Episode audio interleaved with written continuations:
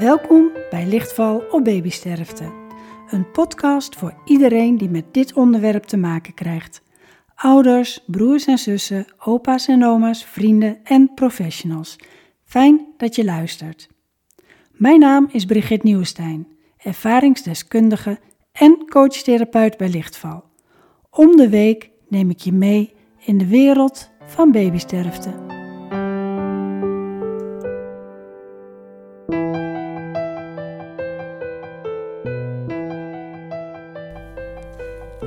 Vandaag is mijn gast Melanie Veenbrink, moeder van tweeling Sien en Thijs. Hoi Melanie. Hi. Heel fijn dat je jouw verhaal wilt delen Ja. met ons. Dankjewel dat ik Ja. hier mag zijn. En we gaan gewoon meteen beginnen, lijkt mij. Ehm, jij hebt voor jouw studie psychosynthese aan de Psychosynthese Academie een prachtige afstudeerscriptie geschreven met de titel Ons geboorteverhaal.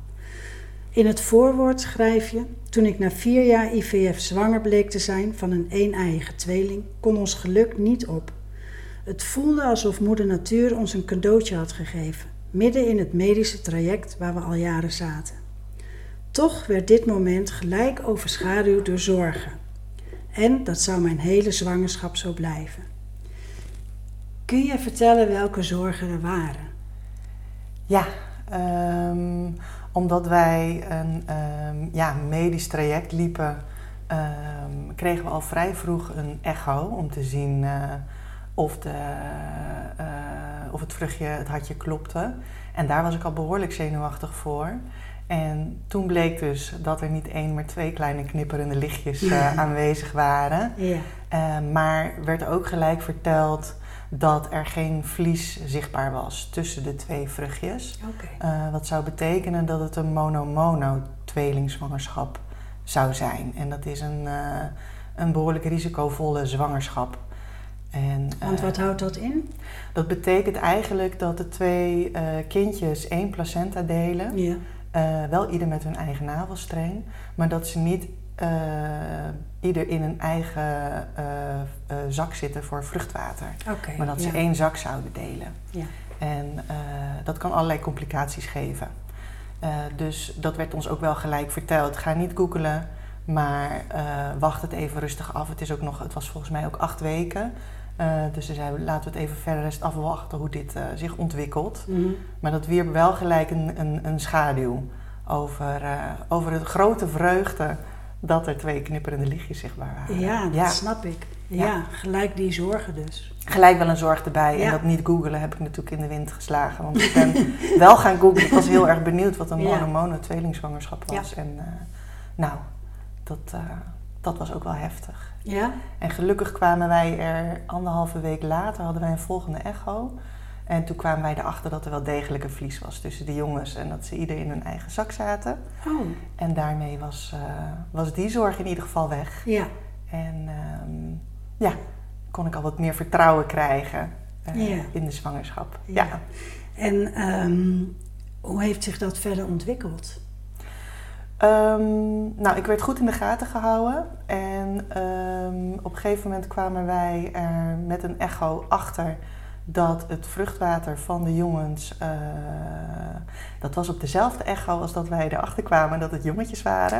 Okay. Uh, wat mijn man heel erg hoopte, dus ja. die, uh, die was daar heel erg blij mee. En tegelijkertijd zag de arts ook dat het vruchtwater in de twee zakken zich ongelijkmatig aan het verdelen was. Ja. En dat zou kunnen wijzen op een TTS-syndroom. en dat betekent een tweeling-transfusiesyndroom.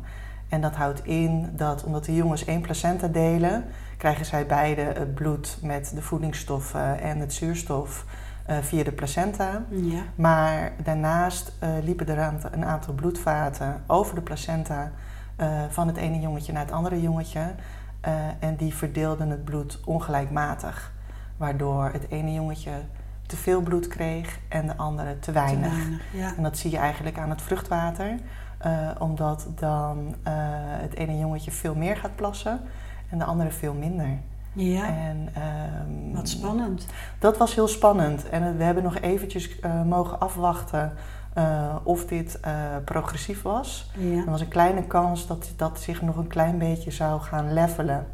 Eh, maar dat bleek al heel snel niet zo te zijn. En de risico's van eh, TTS zijn heel hoog. Eigenlijk kwam het erop neer dat beide jongetjes uh, de zwangerschap niet zouden overleven. Omdat het ook vroeg was in de zwangerschap en de TTS eigenlijk te snel ging. Ja. Um, en um, er werd ons voorgesteld om een ingreep te doen. Uh, waarbij ze de buik ingaan en de bloedvaten die over de placenta liggen uh, dichtlezeren. Zo. Uh, ja, zodat ze niet meer um, ongelijkmatig bloed zouden uitwisselen en alleen nog het bloed via de navelstrengen zouden krijgen. Um, maar de ingreep uh, is ook niet zonder risico's. Maar het was. Eigenlijk heb je geen keus? Je hebt een keus. Je, ja. kunt, je kunt het uitzitten en uitwachten of niets doen. Maar voor ons was dat eigenlijk geen optie. Wij, wij grepen dit wel aan als, uh, als de mogelijkheid om iets nog te kunnen doen. Ja. Uh, ondanks dat was het ontzettend spannend om te doen. Een hele moeilijke beslissing ook om, uh, ja, om, om, om een arts die veilige buik in te laten nou, gaan. Ja. Nou. ja. En zo klein nog, hè? Zo klein, mm. zo klein. Ja. ja. ja, absoluut. Ja. En hoe is dat gegaan? Um, de ingreep is eigenlijk heel goed gegaan. Uh, de ingreep wordt in Leiden gedaan, in het LUMC. En um, we zijn daar ook echt heel goed uh, verzorgd en behandeld. En um, nou, er werd heel erg met ons meegeleefd. De ingreep zelf, daar mocht mijn man gelukkig bij zijn. Uh, ik ben zelf wel eventjes weg geweest. Ja. Wat ik zelf ook wel wilde, want ik vond het ontzettend spannend allemaal. Ja. En, uh, maar mijn man is er wel bij geweest. En ja, de ingreep is goed gegaan. Het risico was erg groot dat bijvoorbeeld de punctie weeën zou gaan opwekken. Um, ja, en dat het toch, je verandert de bloedsomloop van de kindjes. Ja. En, uh, dus dat kan, dat kan van alles met zich meebrengen. Maar de jongetjes hadden het goed doorstaan. En uh, wij zagen ook in de, de, de echo's daarna dat het vruchtwater van, uh, van, het, van, van ons kindje, wat bloedtekort kreeg, ja. aardig aan het bijvullen was. En dat de vruchtzakken weer aardig gelijk waren. En dat ons kindje ook weer aan het groeien was. Dus uh, dat was gewoon ontzettend fijn. En ik voelde echt alsof we door de oog van de naald waren gekropen. En nou, ontzettend veel geluk hadden gehad. Ja, ja wat, ja. wat ongelooflijk knap ook dat, dat ze dit kunnen. Ja, vind ik ook. Ja. Absoluut. Ja. Heel veel bewondering voor. Ja. En, en uh, kon je rust krijgen daarna ook, toen alles achter de rug was? Of wat? wat?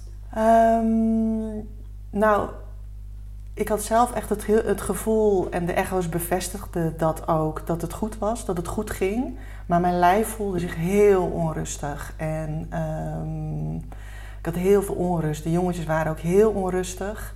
Ik dacht zelf dat dat was omdat er natuurlijk best wel wat gebeurd was in de buik. Ja.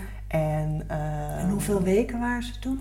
Inmiddels wa was, het toen, was ik toen een week of uh, twintig zwanger. Okay. Ja, en ja. ingreep is geweest met 16 weken. Ja. Ja. ja. ja. Uh, dus we waren wel een aantal weken verder. Ja. Oké, okay, want nou, dat zag er positief uit. Dat zag er positief uit. Maar ja. hè, wat jij verteld hebt, is dat toen je bijna 21 weken zwanger was, ja. is Thijs overleden. Klopt. Eén van de twee. Ja.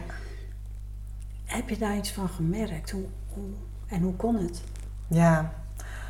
Um, achteraf heb ik er wel iets van gemerkt, maar op dat moment zelf heb ik het me niet beseft. En um, nou, dat is iets waar ik inmiddels kan ik daar veel beter mee omgaan. Maar in het begin heb ik me dat zelf ook wel kwalijk genomen. Um, maar ik voelde dus enorm veel onrust in die buik. En uh, ik was zelf ook heel erg onrustig en uh, kon daardoor slecht slapen. En ik weet de nacht dat het, um, dat het, dat het gebeurd is. De volgende dag heb ik een echo gehad waaruit bleek dat, uh, dat, dat Thijs zijn hartje gestopt was. Die nacht was ik zo onrustig. Um, ik weet nog dat ik echt hartkloppingen had. Zweet me uitbrak. Zo onrustig was. Dat ik zelfs nog met mijn voeten omhoog tegen de muur heb gelegen om maar een houding te kunnen vinden om me te kunnen ontspannen. En uiteindelijk ben ik toch in slaap gevallen en s ochtends voelde ik, werd ik heel rustig wakker. En ik voelde heel veel rust in mijn lijf en stilte ook. En dat was heel welkom op dat moment, na al die, uh, na al die onrust. Ja. En ik dacht, hé, hey, ehm, de jongens hebben ook hun rust gevonden na de ingreep. Het is goed. Ja. En uh, die dag had ik een echo gepland staan. En ik zei tegen mijn man, die had wel enorm veel vrijgenomen elke keer. En ik zei, joh, het is, um, uh, ik ga wel even alleen. En het zit wel goed. Ja. En dat is echt bizar geweest. zo goed dat ik me ook voelde. En um, ja, ik weet het echt nog heel goed. Want we kwamen bij de, of de arts die riep mij en hij zei: Hé, hey, je bent alleen. Dus ik zei nog: Nee, we zijn met z'n drieën. dus dat was dan nog zo'n grapje. Ja. En uh, je hebt tegenwoordig die echo's die gaan op een enorm diascherm. Dat is Ja. heel erg mooi. Oké. En eigenlijk uh, toen die de, het echoapparaat opzette, zagen we gelijk wel uh, Thijs. En dan zonder een knipperlichtje, zonder een knipperend hartje. En ja, dat voor moment leek voor mij wel een uur te duren. Ook voordat de arts wat kon zeggen. En die, die, die drukte nog van allerlei andere knoppen in om nog eens te kijken. En ja, ik kan me echt herinneren dat ik daar was, maar ook niet was. En Ja. de rest echt wel als een film uh, is geweest. Ja, ja. Is dat dan een soort uh, shocktoestand? Of waar, waar kom je in terecht dan? Ja, ja misschien, wel, misschien wel een schoktoestand. Ik, ik, ik weet dat het heel erg stil in mij werd. We hebben natuurlijk wel gelijk gekeken hoe het met het andere kindje was. Mhm. Dat is met een tweelingzwangerschap, is dat, uh, bleek later ook wel de, de dubbelheid daarvan als je je kindje verliest en tegelijkertijd ziet dat je kindje het overleeft, uh, of er nog wel is, is heel dubbel. Um, voor mij was het heel onwerkelijk. Ik, ik, ik, ja, alsof ik mijn adem inhield en dacht: ja, nu vind ik het niet meer leuk. Met alles wat we hadden meegemaakt en de hoop die ik daar altijd in heb gehad en het vertrouwen dat ik daarin heb gehad en de gelukjes die eigenlijk constant op ons pad lagen, uh, kon ik dit niet beseffen of niet bevatten. Van hoe kan dit nou? Hoe kunnen we nou toch in één keer kwijt zijn? Ja. En ja, de artsen kunnen eigenlijk niks anders zeggen dan dat het toch de TTS geweest heeft moeten zijn, omdat er gewoon niks anders aan de hand is geweest, ook al lag het al weken achter ons. Um, ja, maar het blijft een vraag. Ja, ja. Dus, ja. dus daar, daar moet je het uiteindelijk mee doen. Dat, daar moet je het uiteindelijk mee dat doen. het eigenlijk ja. niet een reden verder te noemen is. Nee. Nee. Nee. Nee. Nee. nee. En op dat moment vond ik dat wel heel belangrijk. En inmiddels um, is het voor mij ook niet zo heel belangrijk meer wat het nou precies geweest is. Uh, ja, hij is er niet meer. Nee. Dat is het. Ja. Ja. ja. ja. Hey, en um, wat, wat mij zo, wat mij dan bezighoudt, is dat je dus tegelijkertijd um, leven en dood mm, ja. in jouw buik draagt. Ja. Zijn er, zijn er woorden te geven aan wat, wat dat met jou deed? Oh, nou, Misschien ook niet. Ik heb zelf al opgeschreven dat ik denk ik de rest van mijn leven de tijd nodig zal hebben om woorden te vinden om te omschrijven hoe dit is en hoe dit voelt. Het is zo ontzettend dubbel en tegelijkertijd is het alle twee liefde. Uh, liefde voor je kindje wat er nog is en wat het ontzettend moeilijk heeft, uh, had in mijn buik. Ja. Uh, ja, hij had het zwaar. En ook liefde voor, voor mijn kindje wat er dus niet meer is. Wat het niet heeft gehaald. En die liefde voelt hetzelfde. Het is Ja. bijna de andere kant van de munt. Maar um, ja, ik had zoveel liefde voor, voor... Op het moment dat wij wisten dat ik een tweeling zou krijgen... dacht ik, oh, hoe kan ik, uh, hoe kan ik uh, twee, twee kindjes? Ja. En dat voelde al zo snel dat dat compleet is. En dan in één keer sta je met je handen vol liefde... voor een kindje wat er niet meer is. Maar die liefde blijft. ja. Maar het is ontzettend dubbel. Uh, leven en dood. Um, en ik voelde lichamelijk ook wel dat, um, dat ik het ook wel wilde parkeren. Omdat ik ook nog een kindje in mijn buik had. Ja. Die, en dat, zoals ik dat weet, is het heel belangrijk dat die een veilige, goede plek heeft. ja. Ehm, zelfs voordat ze geboren worden is het zo ontzettend belangrijk eh, dat het in de buik een veilige, gezonde, rustige plek is. En ik wist dat ik dat te doen had als moeder. ja, Ehm, klinkt stevig. ja, dat voelde ook zo. Dat voelde ook zo. Ja, ja. En daarmee eh, heb ik ook het risico genomen dat als je eenmaal verdriet en rouw parkeert, dat het daarna nog een hele klus is om dat weer aan te gaan. Maar dat was wat er op dat moment het belangrijkste was. Ja. Dat er nog een, een, een broertje was, wat er wel was. En, eh, En, ja. je, en je hebt eigenlijk bewust die keuze gemaakt van ik kies Ja. er nu voor om mijn focus daarop te leggen. ja, vooral wetende dat het, ehm, ja, dat dat was wat ik te doen had als moeder voor hem. Ja, En dat vond ik ook heel erg moeilijk, want daarmee maak je gelijk onderscheid tussen je kindjes. En dat, dat, dat voelt ontzettend pijnlijk. Ja. En dat voelt voor mij altijd als een tekortkoming. En dat is iets waar ik mee om moet gaan. Dat je, je, ik weet dat wij het daar ook over gehad hebben. ja, Het is zo moeilijk, want uiteindelijk gaan je levende kindjes voor. Maar het gevoelsmatig is dat, is dat geen keus eigenlijk. nee. Maar dat is zoals het, ja, Ja, dat is zoals het werkt. ja, En zo zoals is het moet. Ja. Ja. En, en een, we- een weg vinden in, in hè, hoe, hoe met het overleden kindje eh, Ja. Ja. eh, om te gaan en, Ja. en die een plek te geven. En, ja, Ja. ja. Ja. Jij bent tijdens je zwangerschap thuis ben je ook begeleid door een doula. Dat vond ik gewoon zo mooi om te horen. Toevallig dat ik een jaar geleden eh, eigenlijk voor het eerst daarvan hoorde. Ja. En dat ik dacht van wow, ja. dit zou iedere zwangere vrouw eh Ben ik eh, helemaal met je hebben. eens. Dat ben ik helemaal met je Ja, eens. kan, Ja. Je, kan je uitleggen wat een doula is en, en wat zij voor jou betekend heeft? Ja, een doula is eigenlijk iemand die met je meeloopt tijdens je zwangerschap en je bevalling en eh, je postpartum. Dus dat is de periode na de bevalling. Mhm. En ehm, zoals de kraamverzorgster er is voor je kindje en eh, is een doula eigenlijk heel erg voor jou. En eh, mijn doula eh, was een ontzettende leuke vrouw. Heel intelligent, heel wijs. Wist ontzettend veel van zwangerschappen, van bevallen. En wij zaten natuurlijk in een medisch traject.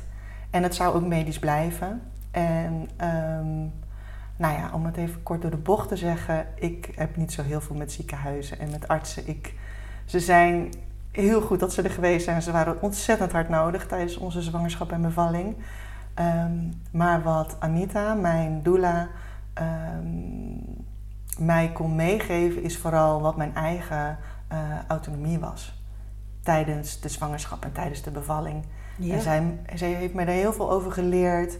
En dat was voor mij heel erg fijn, want ik haalde daar mijn vertrouwen uit en mijn kracht uit.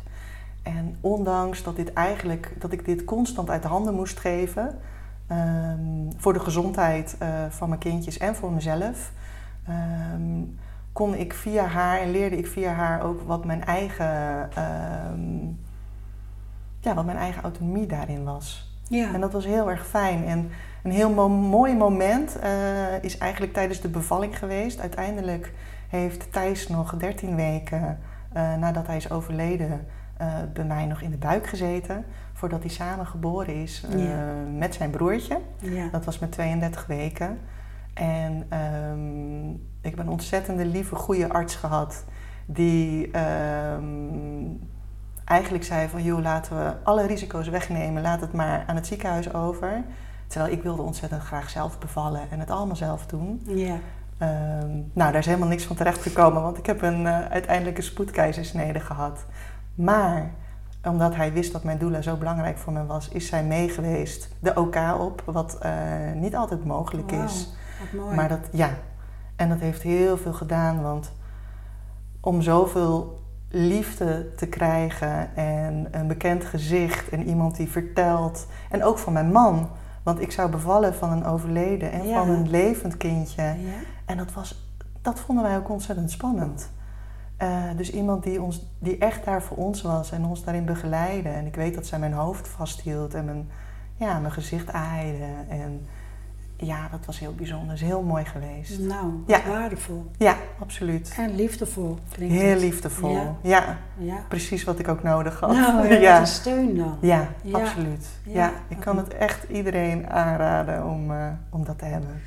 En ja, je, je bent dus hè, bevallen Mhm. van ehm, een gezonde zoon Ja.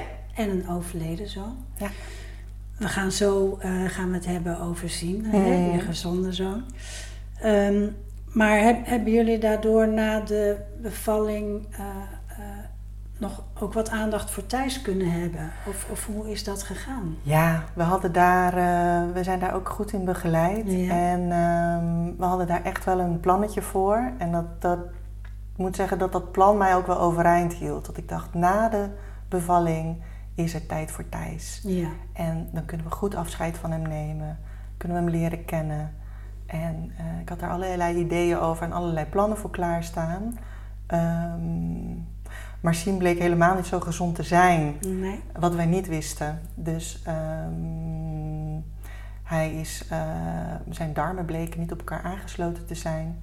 Eh, waardoor de is gaan scheuren en hij echt heel erg ziek is geweest. Dus wij kwamen in een hele andere achtbaan eh, terecht na de bevalling.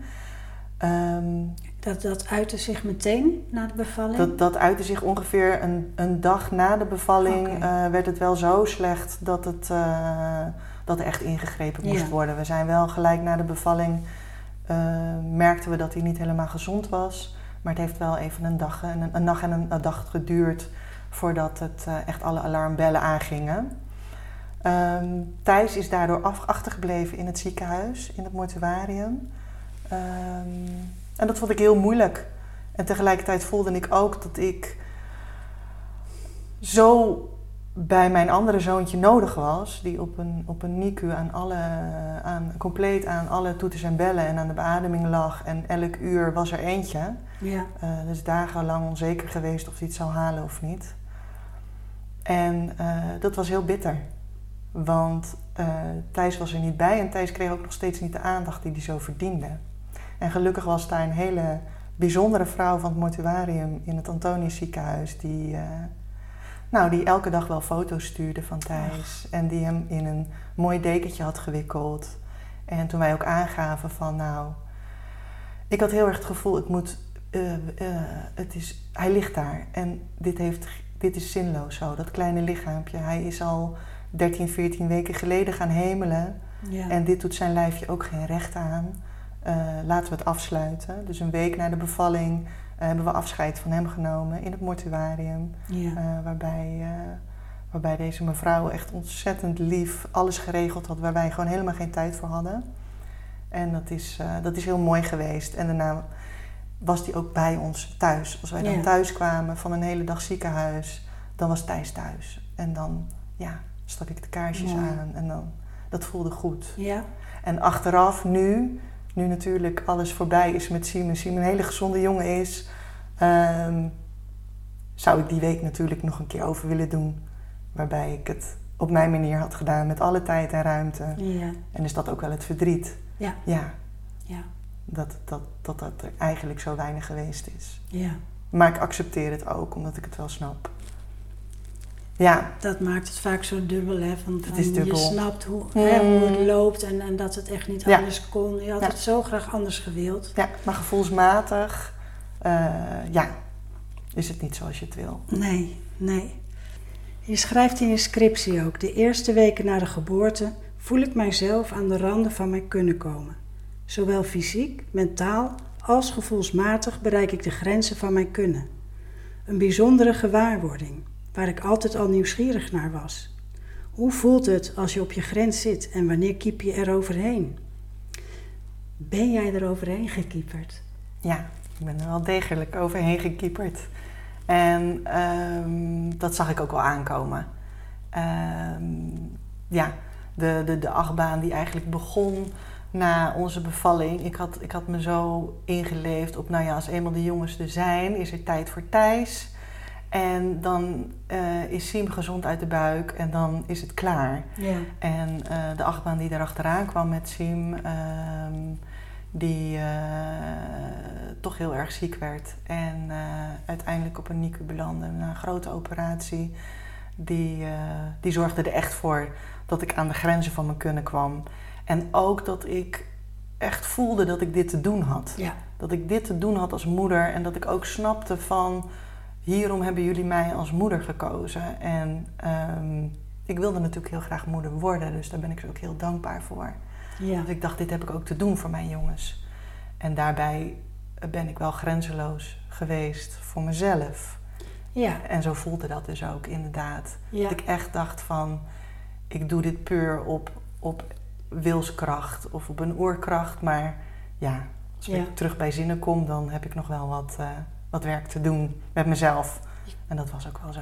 Ja. Ja. het klinkt inderdaad als, als, als een oerkracht die dan zo naar boven komt. Maar ja, dat, Mm. dat gaat misschien ook boven je eigen Absoluut.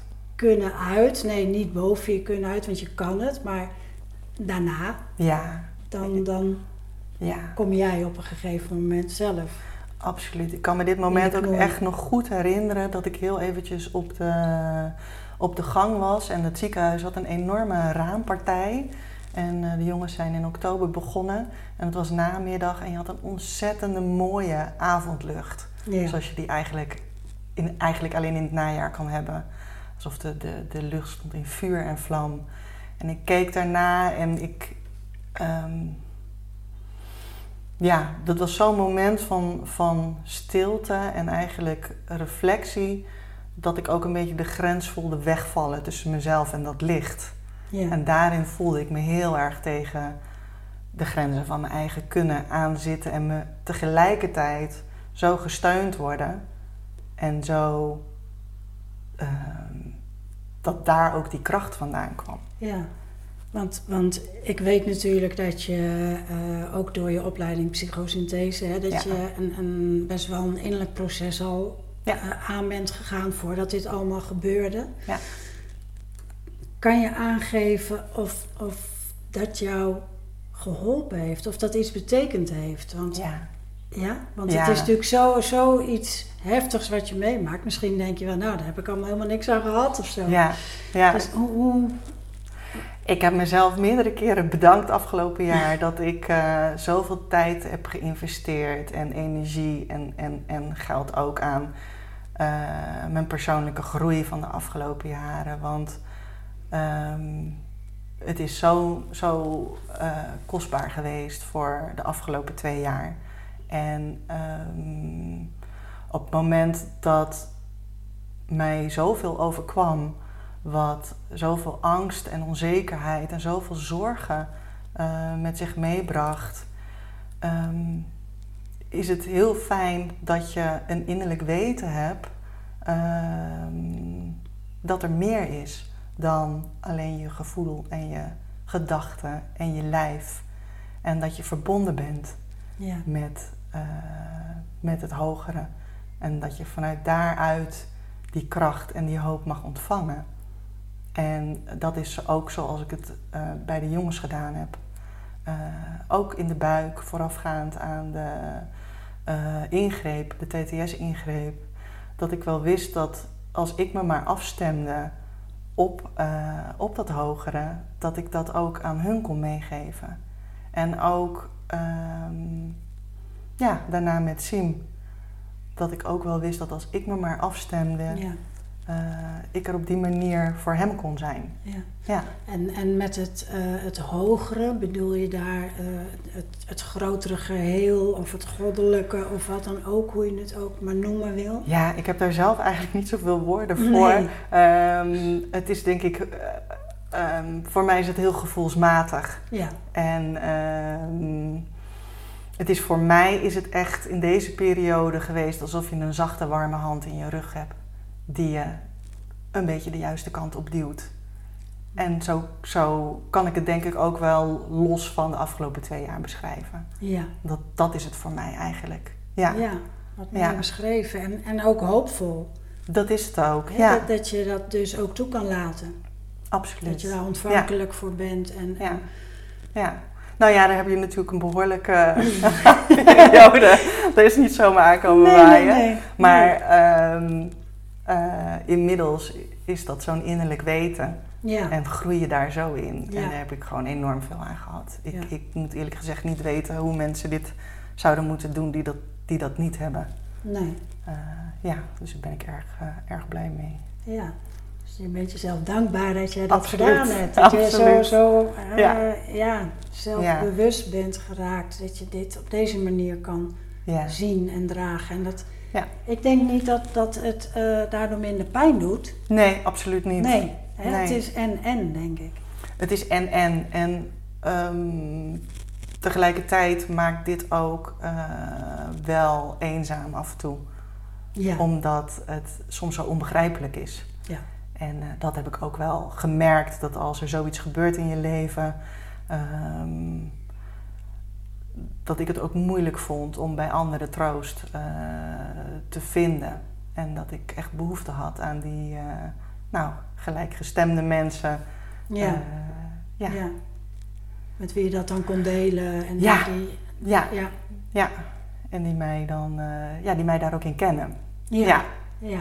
Dus dat is, dat, dat is de andere kant van de munt. Maar ehm, Ja. ja, tegelijkertijd ben ik ontzettend gelukkig dat ik eh, dit pad al doorlopen heb voordat me dit is overkomen. Ja. Nou, dat geloof ik Ja. als ik jou hoor. ja, en ik hoop het ook mee te kunnen geven met de jongetjes de toekomst in natuurlijk. Ja. Ja. ja, absoluut. Ja. Nou, nog wel een vraag over. Hè. Het, het kan natuurlijk niet anders dat, eh, dat het allemaal ook een enorme impact op je relatie heeft. Ja, Ja, dat, dat, Dat kan niet zo. anders. ja. Eh, is, is het eh, te beschrijven wel- welke impact het heeft? Ehm, bij ons ehm, is het heel wisselend geweest. Ik weet net nadat Thijs is overleden dat wij heel erg naar elkaar toe trokken. En dat had er ook vooral mee te maken dat ik me eh, heel erg liet troosten door mijn man. Dat is niet iets wat ik gewoonlijk doe. Ja. Ehm, Want wat doe je gewoonlijk? Gewoonlijk, eh, mijn eerste reactie is wel om dingen zelf uit te zoeken en, eh, Ja. en om mijn verdriet alleen te verwerken. Ja. Maar het is zoiets wat je samen meemaakt en wat je eh, op dat moment bijna met z'n tweeën snapt. En dat, dat geeft heel veel verbinding. En dat heb ik ook echt heel erg gevoeld met mijn man. En dat ben ik ook nooit helemaal kwijtgeraakt. Alleen op een gegeven moment verwerkten wij allebei wel op onze eigen manier eh, wat ons was overkomen. En ehm, hebben we op een gegeven moment ook echt wel even hulp gezocht om, eh, omdat we dat nodig vonden Ja. om weer in goede communicatie met elkaar te komen. En ehm, nou, dat heeft heel erg geholpen.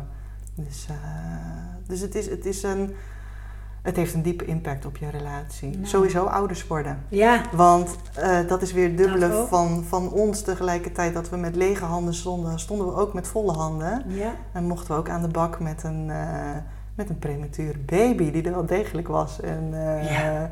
en alles nodig had wat een baby nodig heeft. Ehm, ja, dus het was ook heel vol en heel veel. Maar we Ja. hebben ons er wel, wel goed doorheen geslagen.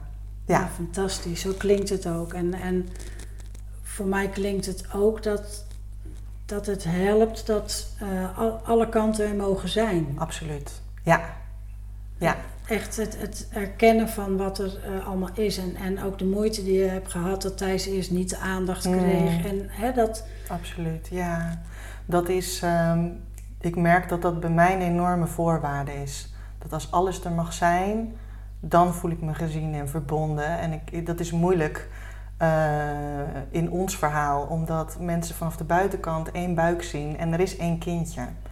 En dat kindje heeft heel veel meegemaakt, maar het gaat goed met hem. En daarmee is er een ander kindje helemaal niet. En dat is, dat is vind ik het allermoeilijkste wel aan ons verhaal. ja. Eh, Want vraagt er wel eens iemand ook naar Thijs? En hoe het met jullie wel. is? Gelukkig wel. Eh, er zijn zeker vrienden om ons heen die, eh, die vragen naar Thijs. En ehm, ik probeer het zelf ook echt te zeggen van... Ik kan elke dag over Thijs praten. En je, Ja. maakt, je, her- je herinnert mij er niet aan dat hij is overleden, want dat weet ik. Dus je maakt er mij niet verdrietig mee als je naar hem vraagt. Je maakt mij alleen maar blij. Ja, Want van de honderd keer dat het over Sim mag gaan, gaat het één keer over Thijs. Terwijl ze zijn er alle twee. Ja. Ehm, maar gelukkig zijn er mensen die ernaar vragen. En ehm, ja, paar dagen geleden was dan zijn sterfdag. En uh, krijgen we lieve kaartjes en berichtjes en bloemen. Ja. En dan, uh, ja, dan voel ik me heel erg gezien Ja. met allebei mijn jongens. Ja. Ja, Ja. Ja. Nou, dat, dat klinkt in ieder geval wel eh, fijn, die aandacht dan ook voor Thijs. dat is het. En ik zou het... Het komt soms uit een andere hoek waar je het van verwacht. En ehm, dan is het kiezen een beetje tussen de teleurstelling dat je, niet, dat je het niet krijgt zoals je het verwacht, of de dankbaarheid dat het uit de onverwachte hoek komt. Ja, En eh, dat voelde afgelopen jaar zeker zo. oké. Ja. Ja. Ja. ja. Nou, het is een, eh, een heel intens verhaal Ja. wat je vertelt. En eh, nou ja, we kunnen natuurlijk nog heel lang erover doorpraten. Mm. Maar voor nu zou ik graag willen afsluiten. En het is de slottekst van jouw scriptie. En ja, die vind ik gewoon zo ontzettend mooi. Eh, want, want deze woorden geeft aan hoe, hoe jouw eh, innerlijke wereld op dat moment eigenlijk was toen je de scriptie schreef. Dus mijn vraag is, wil je het zelf voorlezen? Ik wil het zelf wel voorlezen. Ja? Nou, Ja. dat is hartstikke fijn. Voor mij is het nog niet af.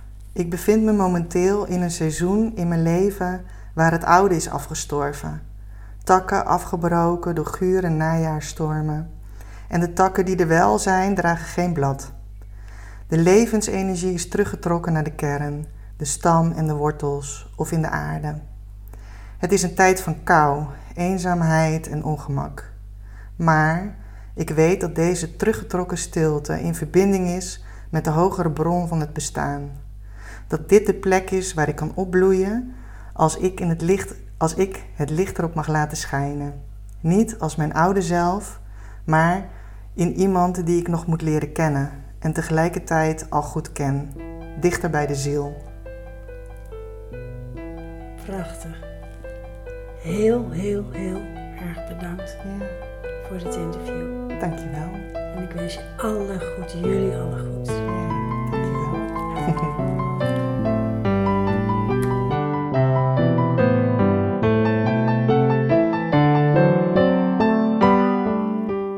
Dit was het voor deze week. Dank dat je luisterde. Mijn missie is om alles omtrent babysterfte in het licht te zetten en een steun te zijn voor velen. Wil jij helpen om dit licht te verspreiden? Abonneer je dan. Heb je vragen, suggesties voor onderwerpen? Wil jij jouw verhaal delen of heb je steun nodig? Laat een bericht achter op mijn website lichtval.nu/contact of stuur een mail naar info@lichtval.nu. Graag tot de volgende keer.